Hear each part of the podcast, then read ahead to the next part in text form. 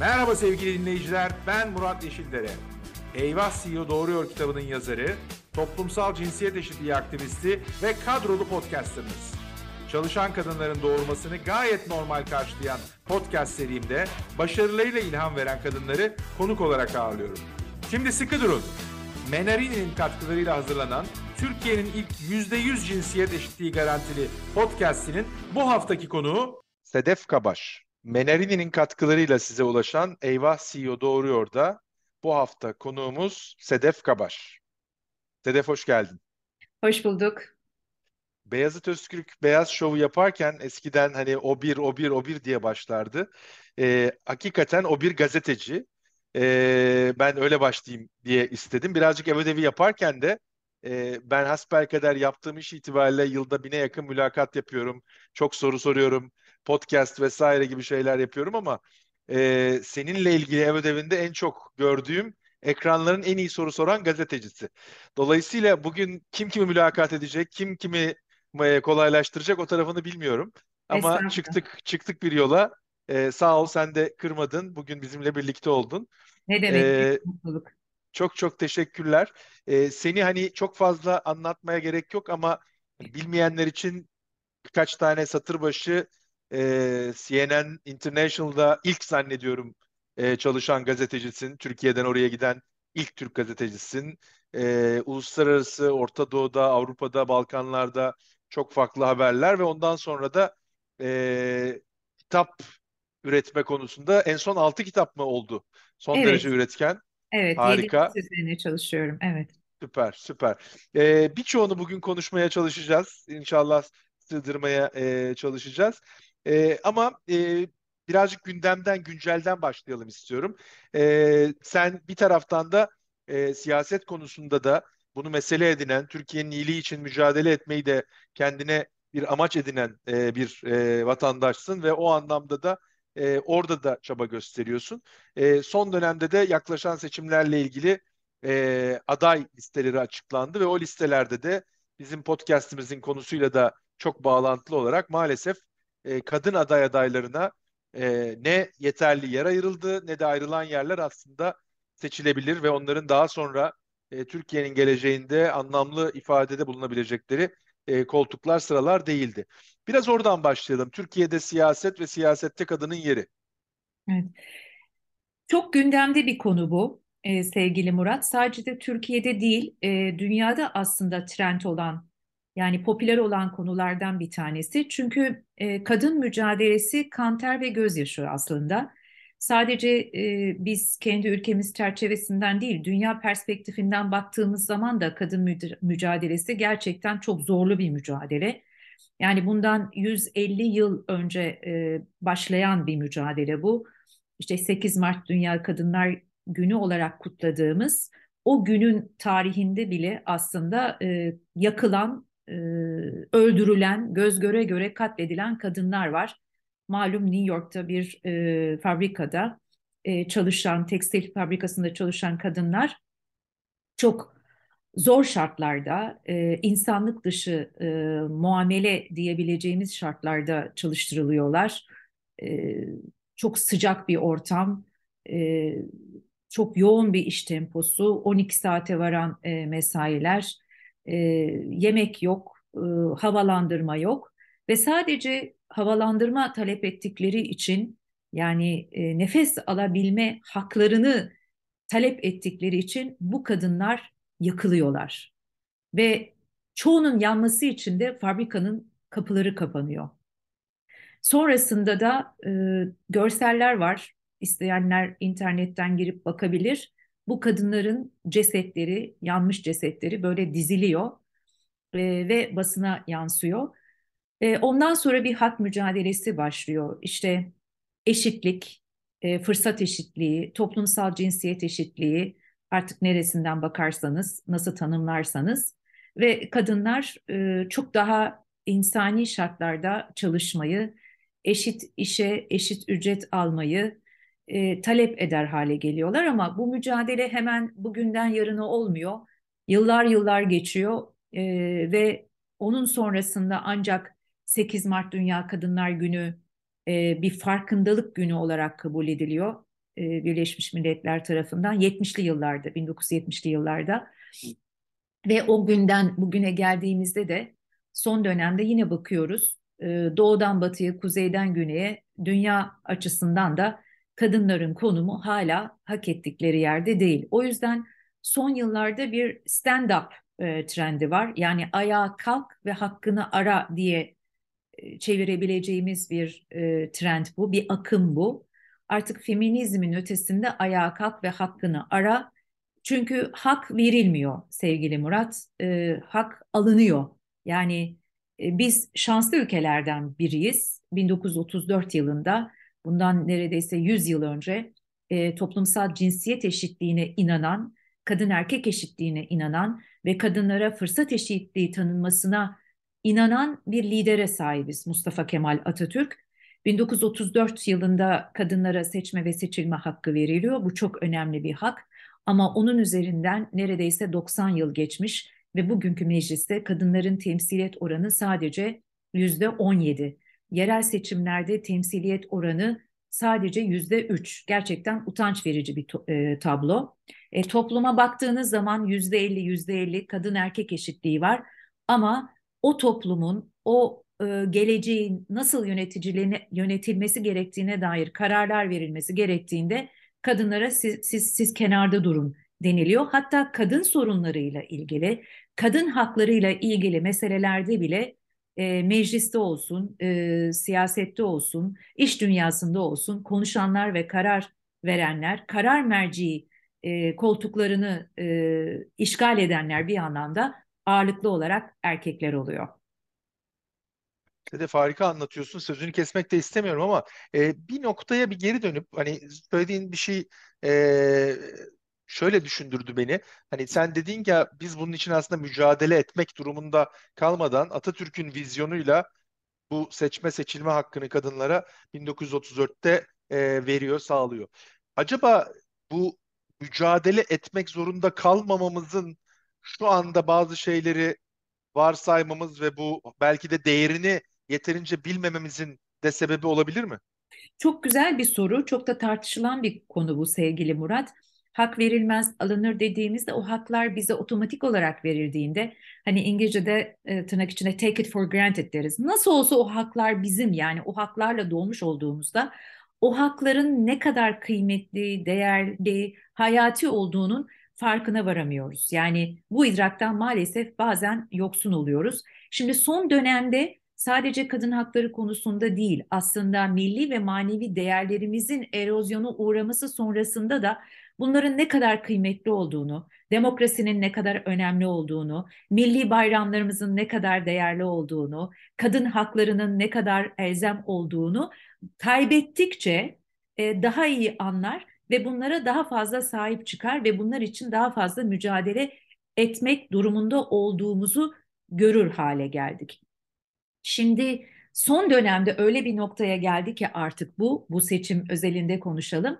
Hani e, siyasi partilerden bağımsız olarak ben kadınlara hitap etmek istiyorum. Bir partiye oy vermeden ya da bir ittifaka oy vermeden önce gerçekten sizinle ilgili nasıl bir gelecek vaat ediyorlar diye özellikle kadınların sorması lazım.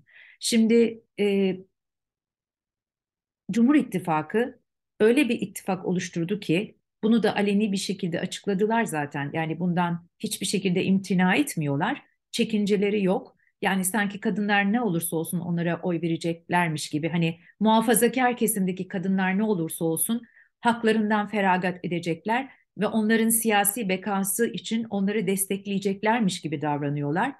E, çünkü Cumhur İttifakı aleni bir şekilde artık kadınların e, gerçekten e, yaşam hakkını e, tehdit edecek bir gelecek vaat ediyor.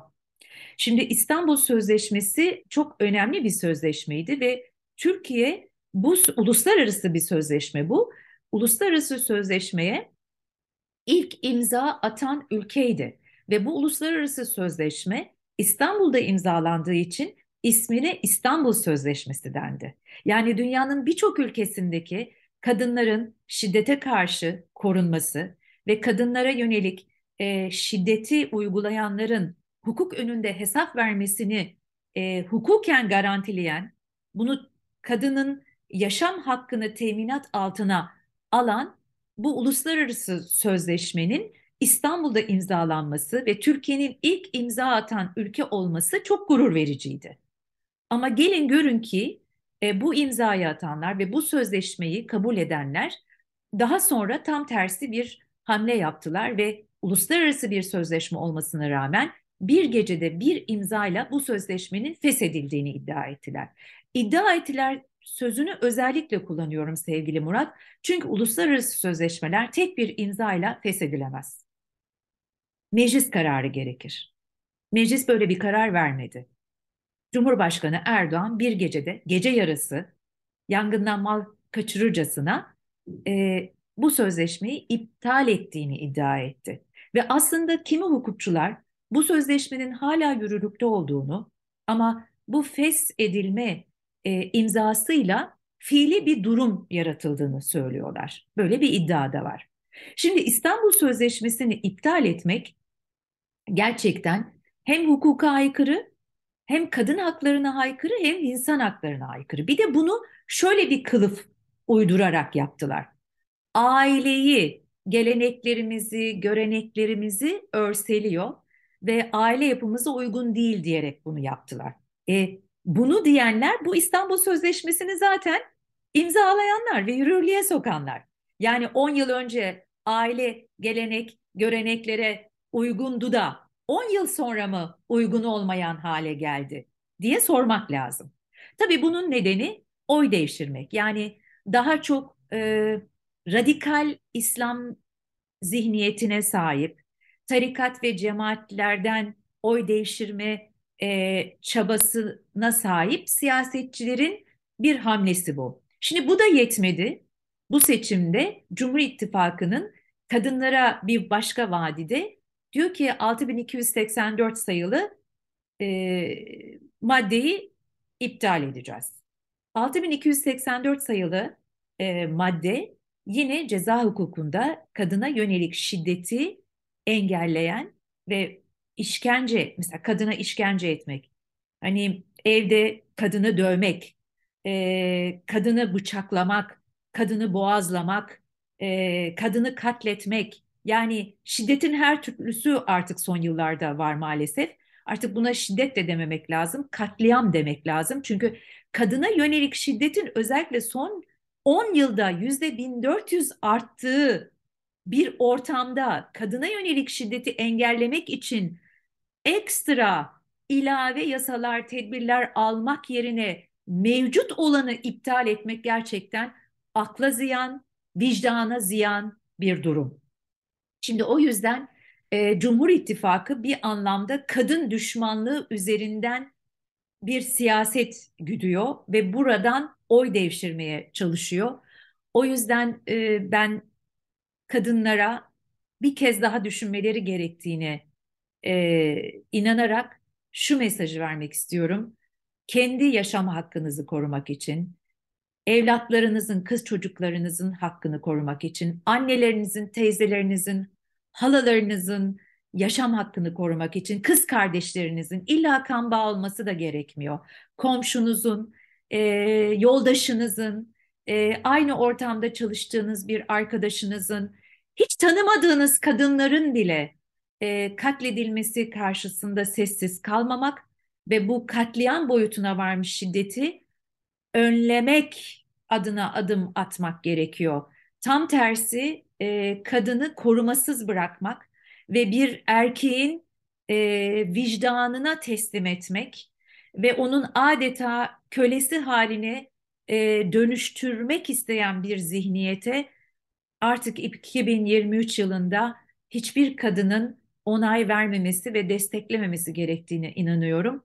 Şimdi bu Cumhur taraf, Cumhur İttifakı tarafı bir de muhalefet tarafına da bakmak lazım. Biz Orada da bir, bir parantez açayım izninle. Çok özür dilerim. Evet. Lütfen devam et. Ee, evet. Belki o parantezde de şunun altını çizeceğim. Ee, hani bu podcast'te de çok sık dile getiriyorum. Ee, bu aslında sadece bir kadının değil, bir erkeğin ve bir kadının e, izin vermemesi gereken bir konu. Yani Kesinlikle. senin çağrına belki şöyle bir cümle de ekleyeyim. Hani kadınlar için, erkekler için de geçerli. Ben şeyden de çok rahatsızım. Hani e, İstanbul Sözleşmesi diyoruz. Aslına bakarsan 9 sayfalık bir metinden bahsediyoruz. Bu 9 sayfalık metni okumadan buna karşı olduğunu, desteklediğini veya işte bunun zararlı olduğunu iddia eden binlerce, milyonlarca insan var. Ya bu 9 sayfalık bir metni okuyun ve sizi rahatsız eden neresi var? Bir oranın altını çizin. Varsa öyle bir yer. Çünkü onu okuyunca herkes görecek ki senin ifade ettiğin gibi aslında bu metin hatta kadına yönelik de değil onu o kadar şey koymuşlar ki aile içi şiddeti önlemeye yönelik bir metin olarak hazırlanmış.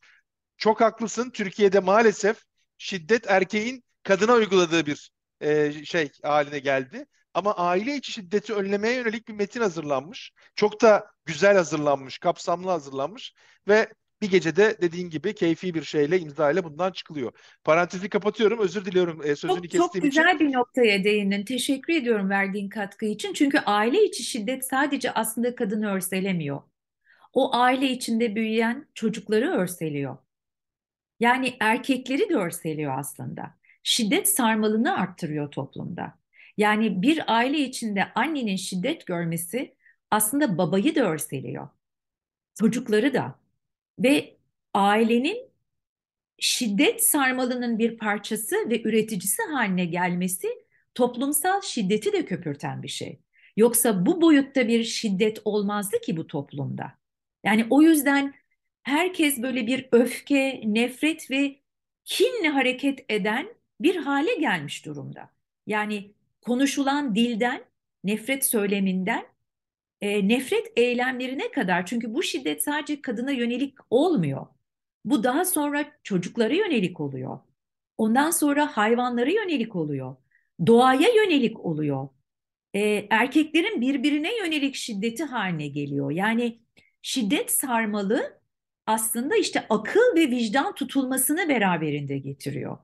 O yüzden kadının konu korunması, annenin, teyzenin, kızların, kız evlatlarının korunması merhameti, anlayışı, empatiyi beraberinde getiren ve şiddetten medet umanların da sadece hukuken cezalandırılması değil, toplumsal olarak da dışlanmasını beraberinde getirdiği için şiddete ket vuruyor. Yani bu çok önemli bir nokta. Şimdi bununla mücadele etmek için dokuz maddeden oluşan bir sözleşme dedik İstanbul Sözleşmesi için. Çok güzel ifade ettin. Çok sade, çok net, anlaşılır bir sözleşme bu. Ama okumadan sanki hani aileyi çökertecek e, ve tuhaf ilişkilere sebep olacak bir sözleşmeymiş gibi anlatılıyor. Ve bunu anlatanlar aslında gerçekten zihnen çok sorunlu insanlar diye düşünüyorum. Şimdi anlatmak çok önemli. Topluma yaymak çok önemli. Çünkü şiddet biraz da cehaletten e, besleniyor. O cehalet de korkudan besleniyor. Biz o korkuyu ve cehaleti yenmek istiyorsak toplumun her kesimiyle iletişim kurup bunu her yere yaymak, her kesimden kadına, erkeğe yaymak durumundayız. Bu misyonu da kimler üstlenebilir? Aslında herkes üstlenebilir ama ağırlıklı olarak siyasetçiler, e, medyada çalışanlar hani ilk akla gelenler. Şimdi bu noktada da muhalefete biz hep şu çağrıyı yaptık.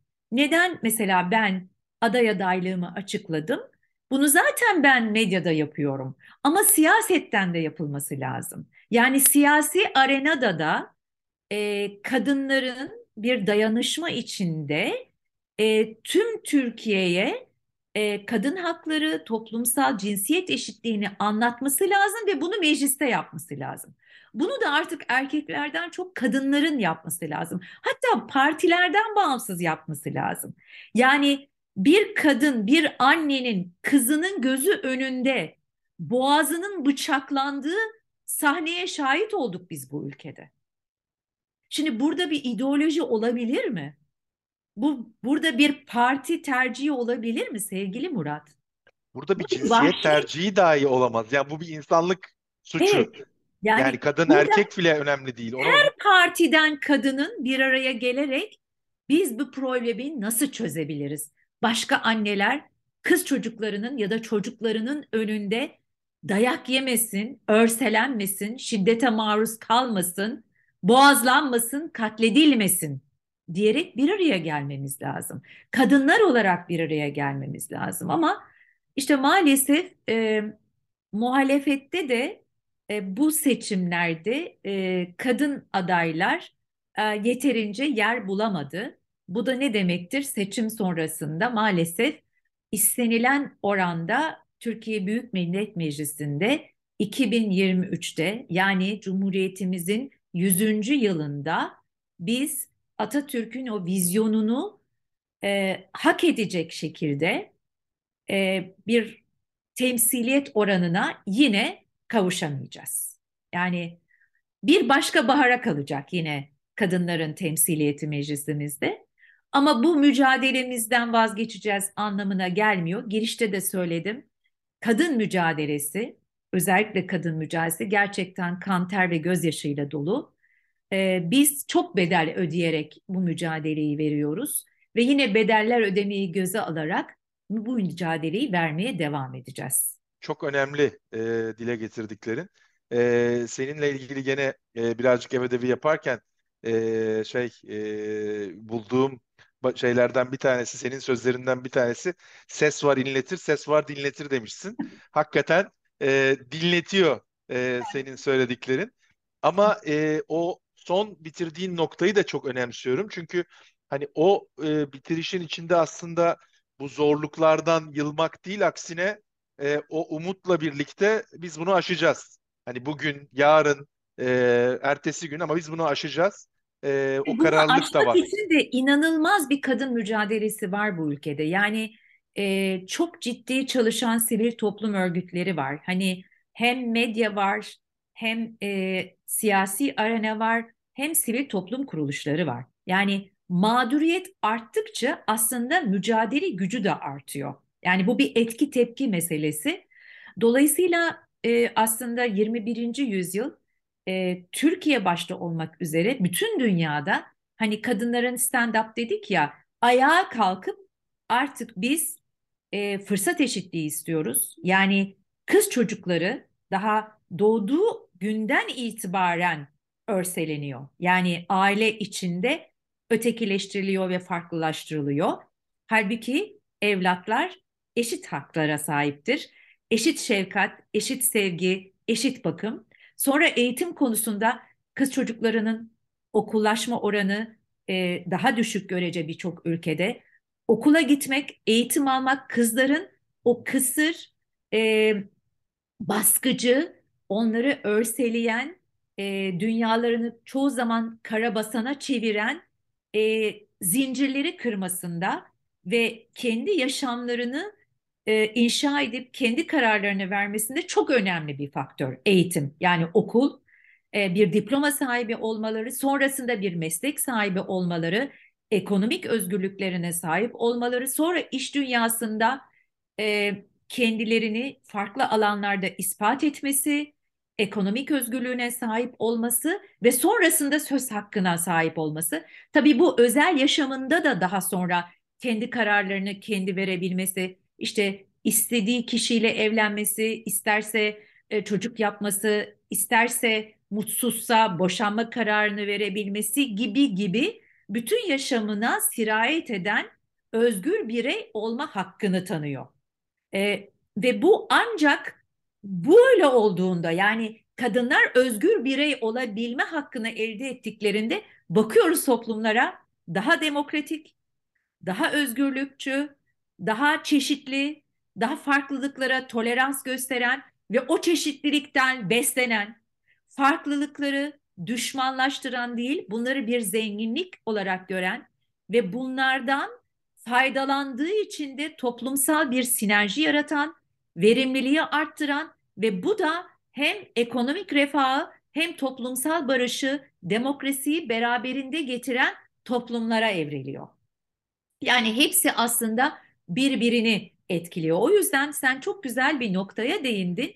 Yani kadına yönelik şiddet ya da kadın hakları ile ilgili sorunlar aslında insan hakları sorunu, birey hakları sorunu ve daha üst boyutta da toplumsal bir sorun haline geliyor. Dünyaya baktığımız zaman da e, toplumsal cinsiyet eşitliği konusunda ilerlemiş toplumların refah düzeyinin de daha fazla olduğunu görüyoruz. Mutluluk endeksinde de daha üst sıralarda olduğunu görüyoruz. Güven endeksinde de mesela birbirine güvenme konusunda daha üst sıralarda olduğunu görüyoruz. Hukukun üstünlüğü konusunda daha üst sıralarda olduğunu görüyoruz. Yani hepsi aslında birbirini etkiliyor, birbirine olumlu ya da olumsuz anlamda sirayet ediyor. O yüzden e, kadın hakları insan haklarıdır. Kadına verilen haklar hepimize verilen haklardır. Yani kadına yönelik şiddet derken aslında biz toplumsal bir soruna eğiliyoruz. Toplumsal olarak bu sorunu çözdüğümüz zaman daha mutlu, daha refah içinde, daha adil, daha huzurlu bir toplumda yaşama şansı elde edeceğiz. E, tam bu noktada senin söylediklerinin aslında altını şöyle e, çizeyim. E, toplumsal cinsiyet eşitliği senin söylediğin gibi güçlü, sağlıklı, müreffeh bir e, toplum olma yolunda olmazsa olmaz kavramlardan bir tanesi. E, bizim podcast'imizi destekleyen Menerini de daha fazla sağlık, daha fazla mutluluk, daha fazla hayat misyonu ile ilerleyen podcast'imize de destek veren Menerini'nin bütün konuklarımıza sormamızı istediği şöyle de bir soru var. Daha mutlu ve eşit bir toplum için toplumsal cinsiyet eşitliği bağlamında hemen bir şeyi değiştirecek gücün olsa bu ne olurdu? Eğitimle başlardı. Hı. Eğitim. Çünkü e, Cumhuriyet'in bize verdiği en büyük hediye, en büyük nimet eğitimle sen fark yaratabilirsin hayaliydi. Çünkü hayal yoksa umut yok. Umut yoksa anlam yok. Anlam yoksa yaşamanın bir değeri yok. Cumhuriyet bize şunu söyledi. Sen bir köy okulunda da okusan, eğer iyi okursan, aklını kullanırsan, emek verirsen sınıf atlayabilirsin. Kariyer yapabilirsin dünya çapında bir akademisyen olabilirsin. Ee, ünlü ve başarılı bir iş insanı olabilirsin. Bu önemli bir fırsat eşitliği ve sosyal geçişkenliği sağlıyor. Şimdi bizim e, şu 100 yıllık cumhuriyetimize baktığımızda şöyle bir etrafınıza bakın. Ülkenin başarılı kabul edilen iş insanları, e, siyasetçileri, akademisyenleri, doktorları, mühendisleri, sanatçıları bir geçmişlerine baktığımız zaman hepsi kalbur üstü ailelerden filan gelmiyor ki. Çoğu yokluk, yoksulluk içine doğmuş, zorluklarla mücadele etmiş ama Cumhuriyet'in sunduğu eğitim sistemiyle okuyarak o biraz önce söylediğim kısır döngüyü kırmış zincirlerinden kurtulmuş, o fakirlik, yokluk, yoksulluk sarmalını aşmış ve kendini gerçekleştirmiş profiller. Bugünün Türkiye'sinde ise öyle bir noktaya geldik ki AKP iktidarının yönettiği bu ülkede hani şöyle bir vaatle geldiler. Biz yoksulun yanındayız, yoksulluğu bitireceğiz dediler. Yoksulluğu daimi ve kalıcı hale getirdiler. Ve bugün bu ülkede 2023'ün Türkiye'sinde e, açlık sınırında yaşayan insanların, açlık sınırının altında yaşayan insanların sayısı 15 milyonu aşkın. Yol, yoksulluk sınırını altında yaşayan insanların sayısı 55-60 milyona yakın.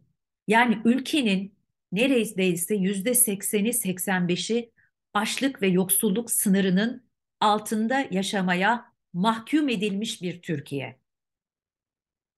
Mağdurun, yoksulun, halkın yanında olmak yerine yoksulluğu ve mağduriyeti arttıran ve tam tersi zengini daha zengin, fakiri daha fakir kılan bir siyasi iktidar Ülkenin yüzde biri, en zengin yüzde biri ülke kaynaklarının yüzde elliden fazlasına hakim. Yani tam bir sömürü düzeni. Şimdi bazen bana diyorlar ki Sedef Hanım senin tuzun kuru. Senin işte mesleğin var, kariyerin var, profesyonel bir insansın. Hani sen mi yoksulluğu anlatacaksın? Evet. Biz bu ülkenin nimetlerinden faydalandık. Eğitim sisteminden faydalandık. imkanlarından faydalandık ve o yüzden de bu ülkeye hizmet etmek istiyoruz. Bedel ödemeyi göze alarak. Yani bu devletin bize verdiğini biz devlete vermek istiyoruz. O yüzden yoksulun derdini anlatmak ve o yoksulluğa çözüm aramak ve o insanlara el uzatmak için yoksul olmanız gerekmiyor. Sadece vicdan sahibi olmanız gerekiyor. Sadece vatandaşlık bilincine sahip olmanız gerekiyor. Çünkü bu kadar yoksulluğun ve mağduriyetin olduğu bir toplumda istediğiniz kadar servet sahibi olun. Hani o yüzde birlik zenginlerden bahsediyorum. Zengin yaşayamazsınız. Bu kadar yoksulluğun olduğu bir toplumda ülkenin en zengini bile refah içinde yaşayamaz. Çünkü biz sosyal varlıklarız. Aynı ülkede yaşıyoruz. Aynı havayı soluyoruz. Aynı şehirlerde yaşıyoruz. Kimi belki yüksek duvarlı, katmerli güvenlik önlemlerinin alındığı korunmuş sitelerde yaşıyor olabilir. Ama sokağa çıktığı zaman o insanlarla aynı yolda, aynı güzergahta gidecek, aynı havayı soluyacak, aynı manzarayı görecek. Yani bir trafik sorunu varsa zengini de fakiri de o trafik sorununu yaşayacak. Dolayısıyla isterim ki bu mağduriyet düzeninde çocuklar en aslında büyük faturayı ödemek zorunda kalanlar. Çocuk onlar. Haklarını arayamıyorlar bir kere. Fakir ailelerin içine doğmuş çocuklar fakirliğe mahkum ediliyorlar bugün. Yani eskiden olduğu gibi devlet ilkokuluna giderek, devlet okullarına giderek iyi notlar alıp, iyi bir eğitim alıp daha iyi kalitedeki liselere, üniversitelere gitme şanslarını neredeyse kaybetmiş durumdalar. Çünkü daha çok iyi aile, görece sosyoekonomik statüsü daha iyi olan ailelerin çocukları ekstra dershanelere giderek, özel dersler alarak, özel okullara giderek daha özel ve görece daha kaliteli okullara giderken bunlardan mahrum olan çocukların daha iyi bir eğitim alma şansı neredeyse yok bugünün ülkesinde, Türkiye'sinde. Ve ne oluyor? O sosyal geçişkenlik olmuyor. Yani biz hep anlatırız. Şehir efsanesi sanabilir bizi dinleyen kimi gençler. AKP öncesi ne vardı? AKP öncesi her türlü sosyoekonomik statüye sahip, her türlü aileden gelen çocukların aynı ilkokullarda, ortaokullarda, liselerde okuduğu okullar vardı. Bugün devlet okullarında bile bunu neredeyse göremeyecek hale geldik. Mesela Boğaziçi Üniversitesi. Türkiye'nin her yerinden pırıl pırıl öğrencilerin zekasının hakkıyla diyorum, bileğinin hakkıyla yani zekasının, aklının, disiplininin hakkıyla Boğaziçi Üniversitesi'ne girmiş öğrenciler. Onlar bile bugün mağduriyet yaşıyorlar. Yani Türkiye'nin her yerinden pırıl pırıl öğrencilerin eşit şekilde özgür bir ortamda kaliteli eğitim alabildiği nadir devlet üniversitelerinden biri olan Boğaziçi Üniversitesi bile bugün hedefte ve bu üniversiteye yönelik bir çökme siyaseti, bir işgal siyaseti, bir fetih siyaseti izleniliyor. Ve ciddi mağduriyetler yaşatılıyor. İşte o yüzden imkanım olsaydı ilk iş eğitimde fırsat eşitliği sağlardım. Çünkü sonrasını zaten o çocuklar ve gençler kendileri yapabiliyorlar Murat. Kendilerini keşfedip kendi yeteneklerine, zekalarına göre kendi kaderlerini çizebilme şansı elde ediyorlar. Onlara hak ettikleri eğitimi verdiğinde. Gerisini zaten kendileri hallediyor. Harika, harika. Ee, buradan aslında tam da bağlantılı bir yere geçmek istiyorum. Senin e, kitaplarında 41 Kadın 41 Öykü, 60 Kadın 60 Öykü, sonrasında da Nermin Abadan Unat ve e, Muazzez İlmiye ile ilgili e, yazılmış e, iki kitap var üzerine. E, şunu merak ediyorum, hani bu öykülere baktığında, e, bu e, hikayeleri, öyküleri sen öğrendiğinde, demin konuştuğumuz çerçevede o sağlanan fırsatların o kadınların hayatını değiştirdiğini de gördüğünü düşünüyorum. Birazcık onunla da bağlantılandırmak, örneklendirmek isterim. Kesinlikle işte Cumhuriyet kimsesizlerin kimi değil mi? Yani hele Cumhuriyet döneminde zaten varsıl dediğimiz zengin aile sayısı o kadar az ki. Zaten ülke çapında yokluk ve yoksulluk var. Yani o dönemi biz şu anda tahayyül dahi edemiyoruz. Hangi şartlarda İstiklal Savaşı verilmiş? Hangi şartlarda eğitim seferberliği yapılmış? Hangi şartlarda okullar kurulmuş, hastaneler kurulmuş, doktorlar, öğretmenler yetiştirilmiş? İşte köy enstitüleri mesela. Hangi şartlarda? Yani biz bugün trafik sıkışıklığından mesela şikayet ediyoruz. O dönemde yol yok. Yani böyle ihtişamlı biri Osmanlı anlatıyorlar ama Osmanlı korkunç bir çöküş yaşıyor ve bu çöküşü yüzyıllar boyunca yaşıyor. Yani gerileme dönemi, çöküşü yüzlerce yıl sürüyor Osmanlı'nın. Artık öyle bir raddeye geliyor ki üç, üç, ülke her tarafından işgal edilmiş. Gerçek anlamda işgal edilmiş. Tam bir sömürü düzeni var. Borç batağında.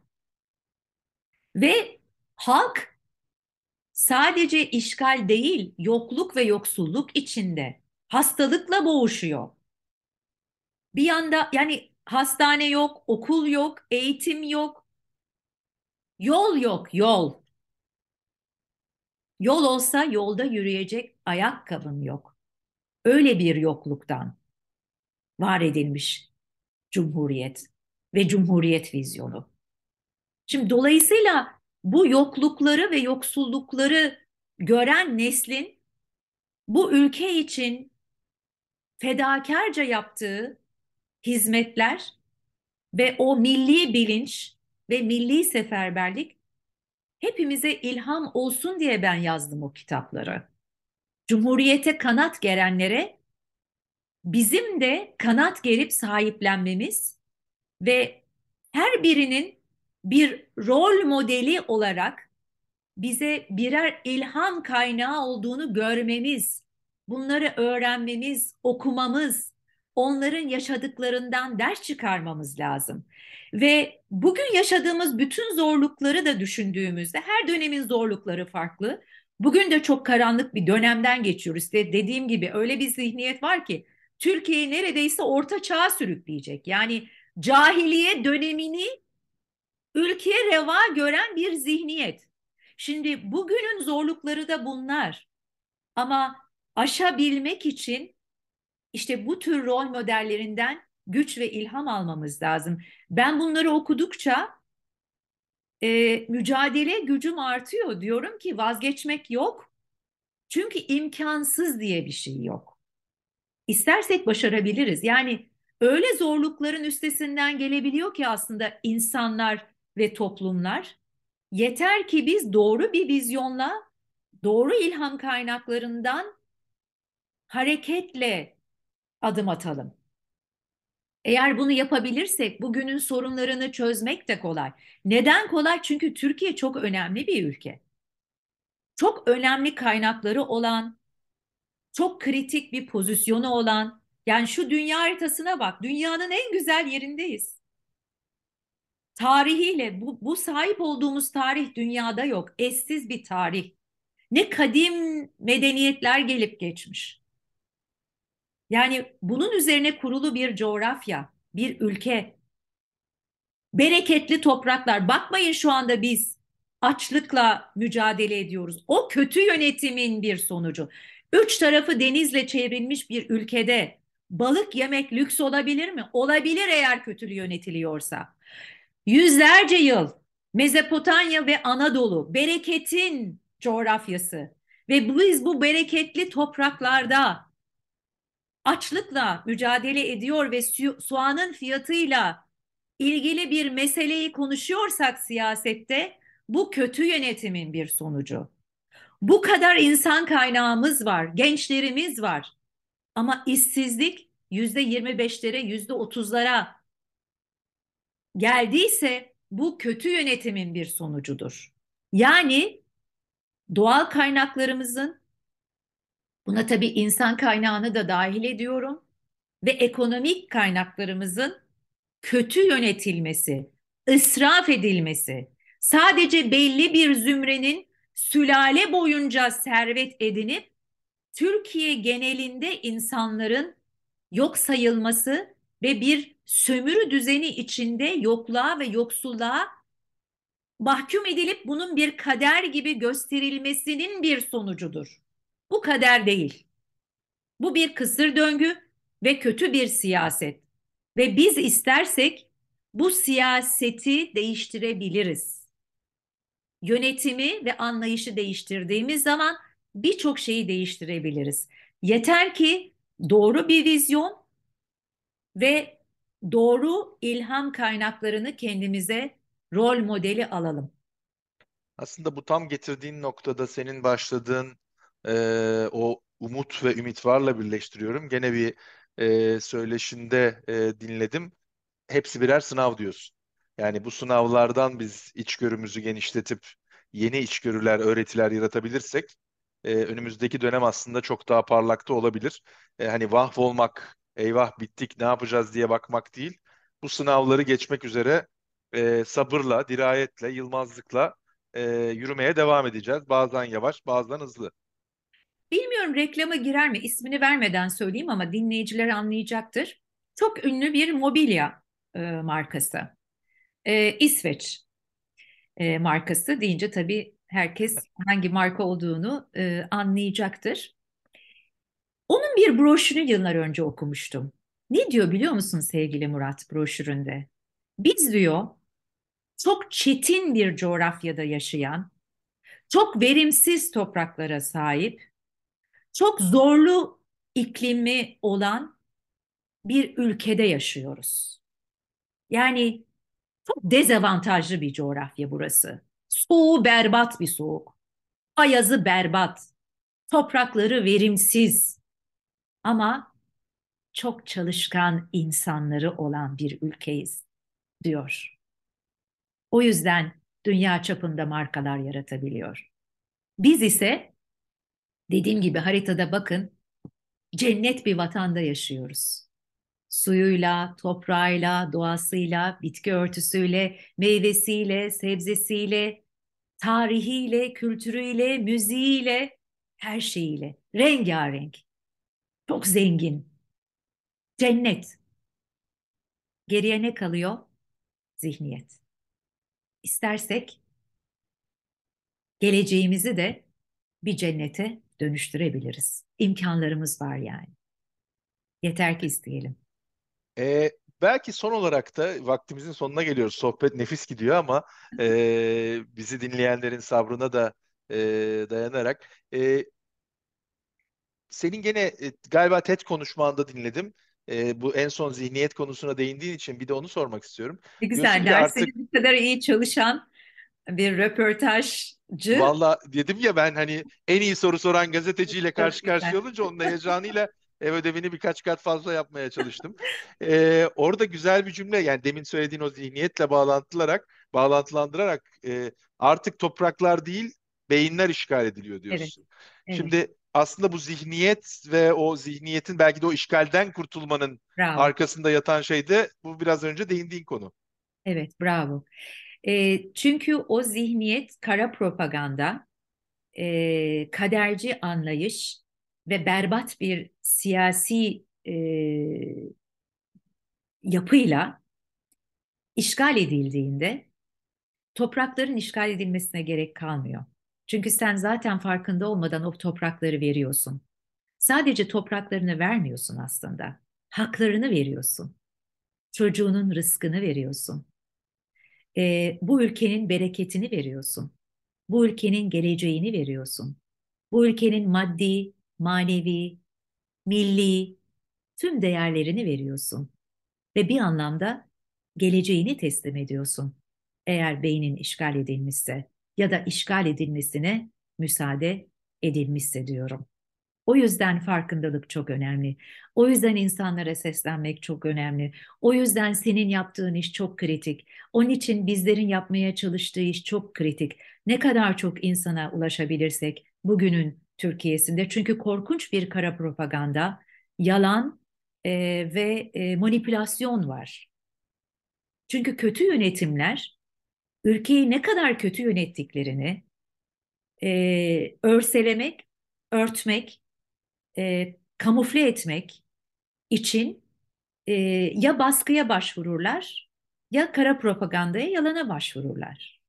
Yani ya höt pöt yaparak, insanları korkutarak, tehdit ederek, e, bak seni hapsederim diyerek, hatta kellelerini koparırız diyerek ve gerçekten de fiiliyatta e, toplumu terörize ederek baskılarlar, sustururlar ya da beyinlerini yıkayarak bunu yaparlar. Yani kötüyü iyi, yalanı gerçekmiş gibi göstererek yaparlar.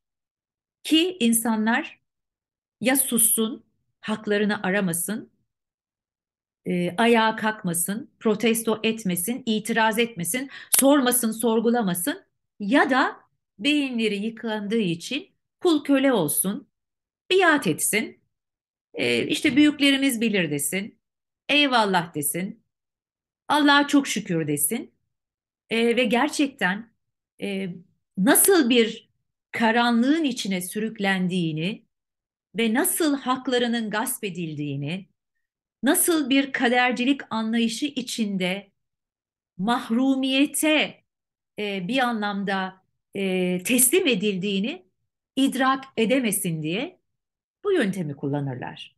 O yüzden biz ne diyoruz? Korkmayın. Korkmayın. Haklıysanız korkmayın, haksızlık varsa da susmayın. Çünkü korku korkuyu tetikler ama tersi de mümkün. Cesaret de cesareti tetikler. Yani cesaret de korku gibi bulaşıcıdır. Ve yine diyoruz ki beyinlerinizin işgal edilmesine müsaade etmeyin. Okuyun, sorgulayın. Hatta bizim söylediklerimizi de sorgulayın.